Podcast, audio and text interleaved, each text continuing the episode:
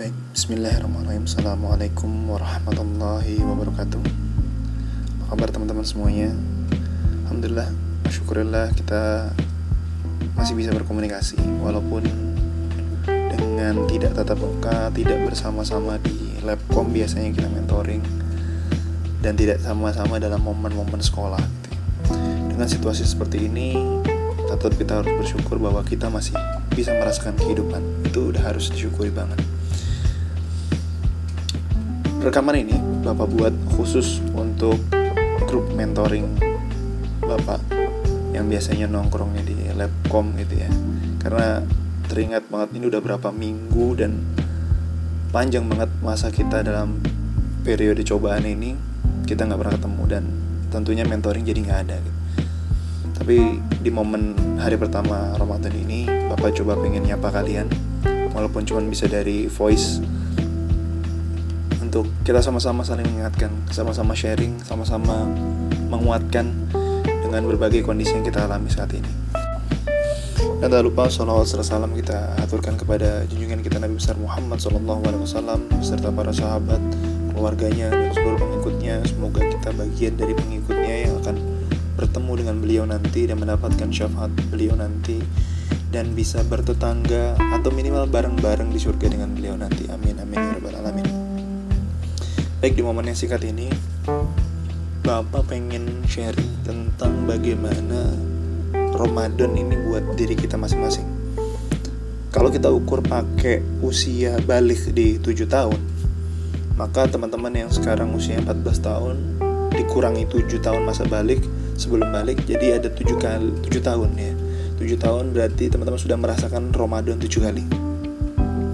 Kalau Bapak mau jadi ketahuan nih umurnya berapa ya 28 2 tahun ini 29 dikurangi 7 tahun berarti ada 2, 21 kali Bapak merasakan indahnya Ramadan. Allah berikan nikmat melalui masa-masa Ramadan. Nah, di setiap Ramadan ini tentu Allah memberikan ada tujuannya dong. Nggak mungkin Allah kasih satu nikmat tanpa ada tujuannya. Di saat-saat Ramadan ini apa sih yang sebenarnya Allah mau dari diri kita karena cita-cita Ramadan berpuasa adalah la'allakum tatakun ya. biar orang-orang yang berpuasa orang-orang yang melalui Ramadan ini menjadi hamba-hamba Allah yang bertakwa gitu. berarti tujuannya takwa. Ini kalau dibahasakan secara kita sulit banget pasti gitu sulit banget kita mencapai takwa. Karena itu bukan pekerjaan mudah gitu. Atau lagi dalam bulan Ramadan ada malam Lailatul Qadar nikmatnya lebih dari seribu bulan gitu. Itu pun juga hadiah besar lah. Kalau kita ibaratkan ini lomba itu door prize-nya lah. Hadiah besar. Tapi selain itu di bulan Ramadan pun juga menyediakan hadiah-hadiah kecil buat kita yang mau berusaha. Sekecil-kecil hadiah tetap jadi manfaat buat diri kita. Ya. salah satunya yang mau bapak bahas hari ini adalah dalam 30 hari ini kita berpuasa kita bisa berupaya untuk untuk maintenance diri kita sendiri. Bagaimana diri kita yang selama setahun ini pasti punya masalah, selama setahun ini se uh, berapa bulan sebelum ini sudah pernah berbuat dosa dan lain segala macam punya pengalaman buruk dan lain-lain punya pernah terjerumus dalam maksiat mungkin pernah terjerumus dalam kebohongan dalam dosa dan lain segala macamnya dalam 30 hari ini kita punya waktu waktu untuk menyucikan diri kita. Bahasa gampangnya, kita punya waktu untuk menghilangkan kebiasaan buruk yang terlanjur nempel dalam diri kita. Kebiasaan-kebiasaan yang mungkin gak sengaja kita lakukan, tapi beberapa kali bahkan mungkin sering, yang akhirnya kita pun ngerasa, aduh kayak gak bisa hilang nih, gitu ya. Mungkin dulu pernah bohong sekali, pun ah nyesel lah bohong jangan lagi bohong dua kali tiga kali. Eh lama-lama keterusan sering bohong gitu. Atau misalnya pernah membentak orang tua sekali. Eh next diulangi lagi diulangi lagi akhirnya sering gitu kan. Banyak kebiasaan-kebiasaan jelek yang nggak sengaja ataupun kita sengaja nempel ke diri kita. Dan itu ke bawah terus menerus sampai sekarang. Nah terus apa yang harus kita lakukan nih untuk menghilangkan kebiasaan buruk simpelnya adalah ya jangan diulangi lagi gitu kan. Menurut penelitian psikologi kalau orang mau menghilangkan satu kebiasaan dia dia butuh waktu minimal 18 hari untuk bisa menghilangkan kebiasaan itu. Atau rata-rata 66 hari. Tapi Allah menggunakan angka yang khusus mungkin dari Allah di 30 hari bulan Ramadan ini kita disucikan kita dibersihkan kita di reinstall install ulang mungkin gitu ya kalau bahasa komputer diinstal ulang dengan kebiasaan-kebiasaan yang baik dengan kebiasaan-kebiasaan yang yang sebenarnya yang kita mau gitu Bapak yakin teman-teman yang mungkin kebiasaan ngomong binatang mungkin, yang biasa ngomong jorok mungkin, itu pada aslinya nggak mau ngomong kayak gitu. Cuman sering dengar, sering ikut-ikutan, akhirnya ikut-ikutan juga kebiasaan kayak caranya mudah ya, ya hentikan aja kebiasaan itu. Bener, dengan puasa kita bisa hentikan itu. Tapi ada cobaannya nggak? Pasti ada lah. Masa iya hidup nggak ada cobaannya? Nah, ada yang mau bapak bahas sedikit lagi setelah agak agak geser sedikit bahasannya ada hadis mengenai bahwa di bulan Ramadan ini setan-setan dibelenggu nih berarti kita kayak orang suci aja nih nggak digoda setan para ulama ada berbeda pendapat dalam hal ini ada yang berpendapat secara makna benar-benar dibelenggu? Ya. terus ada pertanyaan berikutnya terus kenapa kok ada orang-orang yang tetap bermaksiat di uh, bulan Ramadan ini? Sementara maksiat itu kan ibaratnya main bareng setan istilah gampang orang maksiat itu ya istilahnya main bareng setan. Kalau nggak ada teman mainnya gimana? Ya berarti nggak dibelenggu dong. Ada para ulama pula yang lebih uh, mayoritas berpendapat bahwa makna dibelenggu adalah dibelenggu oleh puasa kita dibelenggu oleh keimanan kita dibelenggu oleh semangat kita dalam beribadah. Di bulan Ramadan ini Allah kasihkan banyak hadiah banyak pahala banyak uh, door prize gitu ya. Pasti kita makin semangat untuk beribadah. Dan hukumnya kalau ibadahnya naik pasti maksiatnya turun. Kan gitu. Berarti kalau kita semangatin buat ibadah buat ngaji pasti nggak kepikiran tuh cewek cakep gitu kan pasti nggak kepikiran maksiat. Pasti nggak kepikiran yang aneh-aneh. Kan gitu. Jadi makna dibelenggu adalah dibelenggu karena semangat kita dalam beribadah. Ibaratnya gini kita mau main tapi teman kita nggak mau main gitu. Akhirnya kita bingung mau main sendiri gimana kan gitu kan. Nah jadi setan merasa dibelenggu oleh kita yang kita pengennya itu beribadah. Kita nggak pengen aneh-aneh di bulan Ramadan. Kita nggak pengen maksiat di bulan Ramadan. Kita nggak pengen bohong. Kita nggak pengen uh, melakukan hal, hal aneh lah hal, hal buruk di bulan Ramadan jadi makna dibelenggu itu adalah dari semangat kita Nah berarti poin pentingnya adalah ya semangat kita yang dibutuhkan dalam rangka untuk menghilangkan kebiasaan-kebiasaan buruk yang kita miliki. Ya, kebiasaan-kebiasaan yang mungkin kita ngerasa udahlah emang diri gue begini. Ya itu salah satu bisikan setan. Oh, lu jangan ngomong jorok lu, jangan ngomong binatang. Emang gue mah begini orangnya. Itu adalah salah satu bisikan dari setan. Gak ada ceritanya. Kalian pernah lihat anak bayi baru lahir langsung ngomong jorok? Gak ada ceritanya.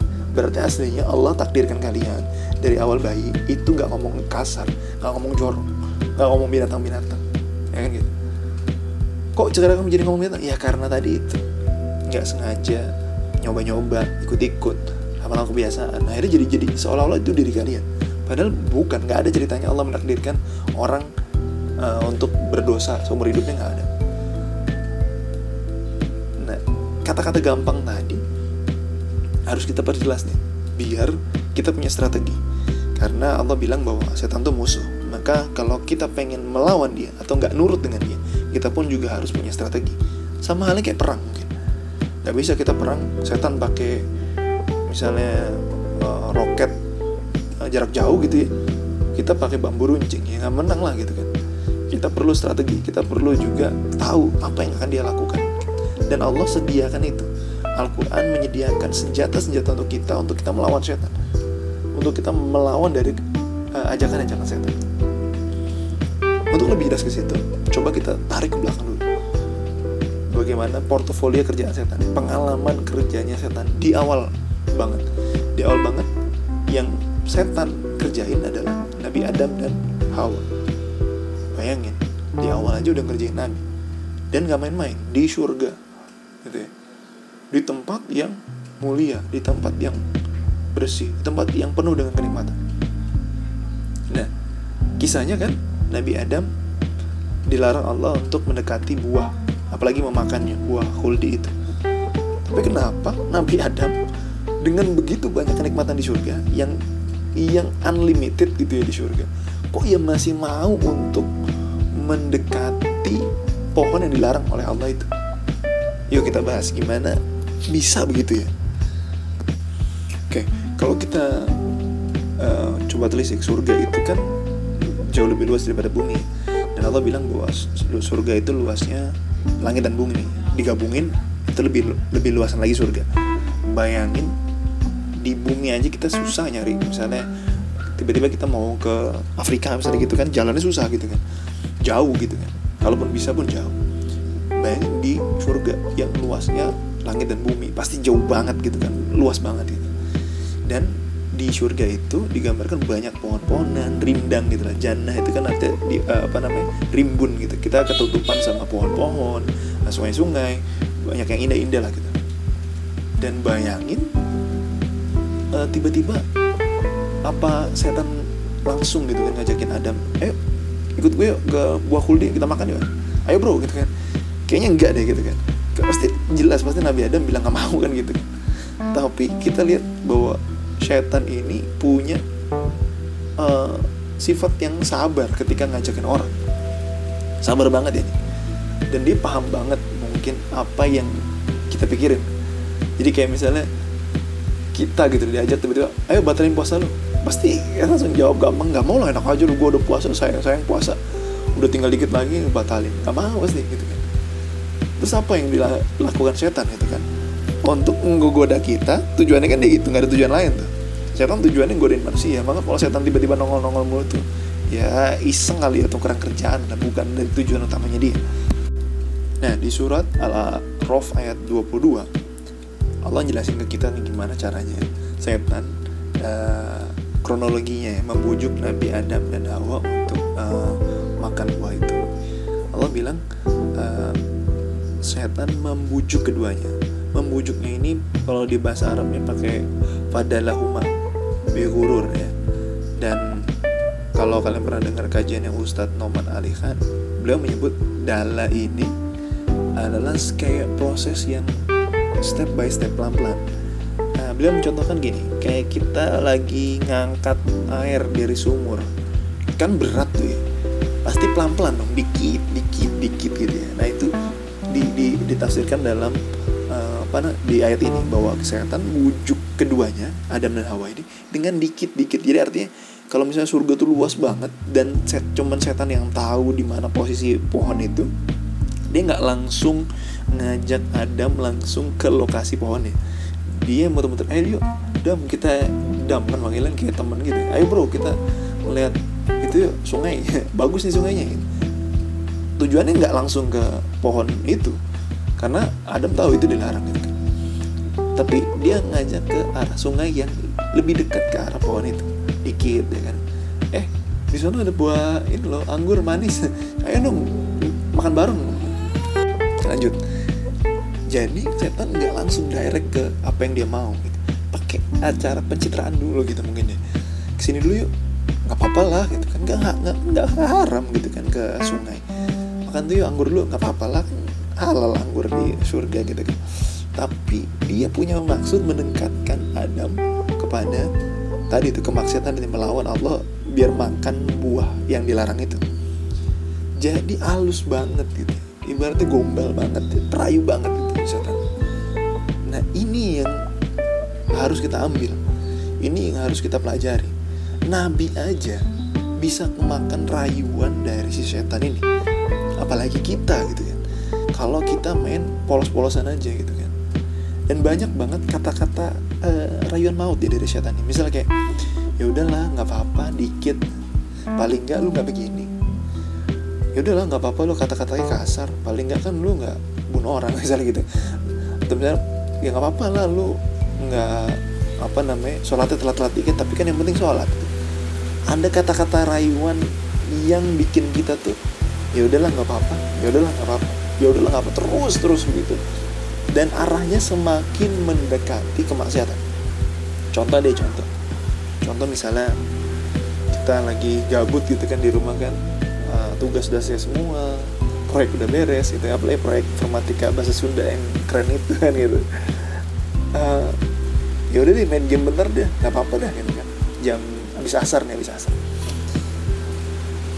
Ah tapi gak boleh sama uh, ibu gitu misalnya gitu. Nggak apa-apa lah bentar doang. Atau main game doang kan kagak haram gitu nggak dosa gitu main game. Oke main game gitu kan. Main game satu game gitu kan. Menang ya kan. Biasa kalau satu game menang pengen nyoba lagi gitu merasa udah dewa gitu game kedua kalah gitu kan. Terus oh kacau nih teman kalah nih. Game ketiga gitu. game ketiga nggak sadar udah mau maghrib. Tapi udah pengen pembuktian ke diri bahwa gue tuh pengen menang gitu kan di game ketiga ini. Gitu. terus gimana mau maghrib? Emak udah teriak-teriak kan ayo mandi ayo ini segala macem. Akhirnya emosi naik ya. Karena nggak sengaja ya. Aslinya tadi kalau nggak main game fine fine aja. Ibu nggak marah mandi normal dan lain-lain. Saat maghrib normal tapi karena tadi main game yang sebenarnya pun juga nggak apa-apa main game nggak apa-apa gitu kan. Boleh-boleh aja gitu kan. Tapi karena udah mepet maghrib dan lagi gawat di game ketiga gitu kan udah mau menang gitu misalnya. Udah tinggal dikit lagi menang gitu kan. Tapi waktunya mepet. Nah setan bermain lagi situ. Udahlah bentar nggak apa-apa. Atau juga ntar sholat gitu. dimainkan emosi kalian nafsu kalian gitu. akhirnya nadanya tinggi nada ke temen di game tinggi udah cepetan lu menang lu jangan jangan gitu loh gitu ya. Biasa kita main game ke bawah emosi. Nada ke orang tua yang ngingetin kita untuk mandi dan sholat pun juga ikutan tinggi. Bentar nggak apa mah gitu kan. Lama-lama naik lagi. Nggak apa-apa lah dikit nggak apa-apa biar mama tahu aja. Bisikan setan halus banget. Dan nggak sengaja akhirnya kita berkata kasar ke mak kita. Mak kita pun juga digoda setan biar marah tambah marah. Biar kita saking berantem biar mak sama anak tepuk tangan dari setan. Udah tuh marah ngambek. Sholat apa mandinya telat. Sholat maghrib telat. Nggak jadi ngaji. Wah berantakan.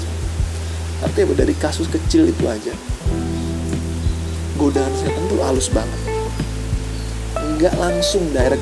Kan coba misalnya di awal tadi pas pas lagi gabut tadi tiba-tiba yaudah yuk kita bentak orang tua yuk. Pas lu bilang pasti kalian bilang ah nggak mau enak aja udah bentak mama sendiri nggak mau gitu. Coba langsung setan bilang udah yuk kita nggak usah sholat maghrib. Nggak mau pasti kalian bilang gue mau sholat maghrib gitu kan. Tapi dengan alusnya tadi itu dengan ayo main dulu yuk. Ayo satu game lagi satu game lagi satu game lagi akhirnya kejadian marah sama orang tua mandi telat sholat telat gak jadi ngaji dan lain-lain gitu. Artinya setan tuh kalau punya tujuan dia nggak langsung aja kita. Dia merepet sana merepet sini merepet sana merepet sini gitu. Tapi makin sana makin deket makin deket makin deket. Dan kita dibuat seolah-olah buntun udah game belum menang mak marah udah mau maghrib wah ribet lah. Kalau nanti live nanti turun rankingnya dan lain-lain segala macam nanti dibully temennya segala macam jadi seolah-olah kepepet. Padahal kepepet itu kita buat sendiri gitu. Dari hasil tipu daya tadi sama persis dengan apa yang dilakukan setan ke Adam. Dia ajak pepet pepet terus ke pohon itu. Nggak langsung dan nggak sengaja akhirnya makan gitu. Yakin lah pasti Nabi nggak pengen melanggar aturan Allah tapi kok iya kalau ngikutin ngikutin dikit demi dikit akhirnya jadi gitu juga gitu. Nah balik ke tujuan awal kita. Ramadan ini kita pengen ngilangin semua kebiasaan buruk kita. Dengan apa yang kita bahas tadi maka kita harusnya udah tahu. Jangan sampai ada celah lagi kita ngikutin setan dengan cara apa pun deh. Dengan tipu daya apa pun deh. Jangan diikutin waktunya ngaji ngaji waktunya sholat sholat. Emak ngomong apa pun ibu kalian ngomong apa pun turutin. Karena itu orang tua kalian. Dengan turutin orang tua nambah keimanan kita. Artinya apa? Belenggunya si setan bakal lebih kuat. Karena kita taat sama orang tua kita.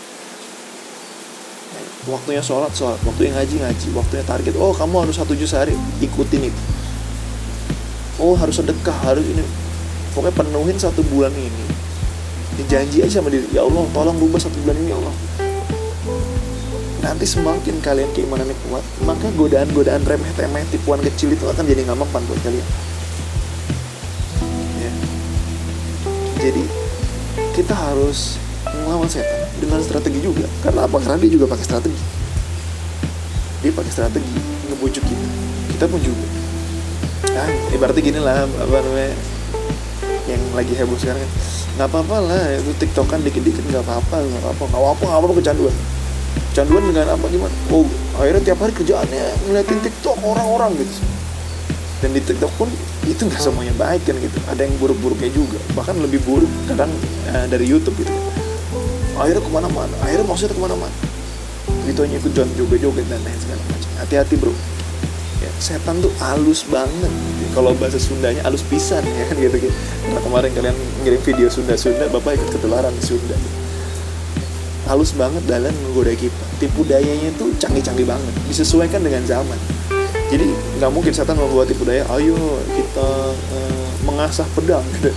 Nggak nggak nggak gitu gitu. Karena kan bukan zamannya pedang. Zamannya sekarang komputer ya pasti tipu dayanya ikut-ikut dengan zamannya. Eh ayo sholat yuk. Ntar dulu ah mau baca Quran dulu. Ya udah baca Quran. Wah lebih keren baca Qurannya di handphone.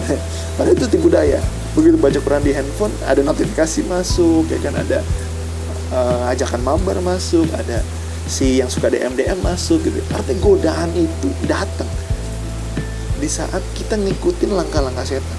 Dan makin ke sana makin berat. Jadi cara kita untuk menghilangkan kebiasaan-kebiasaan buruk kita ya biar bulan Ramadan ini semuanya bersih clear kita semua dapat hadiah banyak dari Allah tadi itu jangan ikuti langkah-langkah setan apa pun itu gak usah pakai alasan. Apa-apa kok chatting sama dia cuman buat biar ngerjain tugas semangat. Ah itu mah bohong. Ya, jangan ikuti. Ah nggak apa-apa kok orang cuman ngobrolin tugas sekolah doang. Ah nggak apa-apa kok orang bercanda-bercanda itu adalah bentuk bujuk rayu setan. Setuju atau nggak setuju terserah. Di debat bapak juga boleh. Jadi buat yang sekarang di rumah udah tuh tahu rutin emaknya bantuin emaknya masak bantuin emaknya nyuci bantuin pekerjaan rumah bantuin ngurus adiknya. Lakukan banyak banyak hal positif biar hal negatifnya hilang minggir sendiri gitu. Jadi setan bingung gila nih orang positif banget. Ah minggir lah gitu kan. Istilah kita gitu. Dan yakinlah Allah pasti kasih bantuan. Kalau kita niat ya Allah tolong hindarkan saya dari setan gitu maka kita punya taus. Pasti Allah turunkan para malaikat-malaikatnya untuk jagain kita jadi jangan jangan konyol dengan nggak apa-apa lah ini nggak apa-apa lah itu nggak apa-apa kan. Kan aku chat-chatan sama dia saling ngingetin sahur. Ya elah mak lu juga udah ngingetin sahur nggak usah butuh perempuan lagi buat ngingetin lu sahur kan gitu. Ya kan nggak apa-apa buat nyemangatin ibadah. Kamu punya ayah punya bunda yang nyemangatin kamu ibadah dan kamu harus taat sama mereka. Nggak usah butuh lagi perempuan atau siapa mencewek dan lain-lain nggak usah. Itu cuma tipu daya setan doang biar nanti nanti sambil ngingetin sahur sambil mesra-mesraan sambil kirim-kiriman emot-emot lucu yang ada lope-lopenya itu mah bujuk rayu setan. Kok bapak tahu? Ya bapak pernah ngalamin. Alhamdulillah bapak selamat gitu kan. Dan bapak wanti-wanti kalian. Khawatirnya kalau oh, nggak apa-apa pak Arya juga ngalamin. Eh, jangan barangkali kalian pas ngalamin itu nggak selamat. Umur kalian nggak panjang kan gitu bisa. Maka kalau ada keburukan jangan pernah ditiru.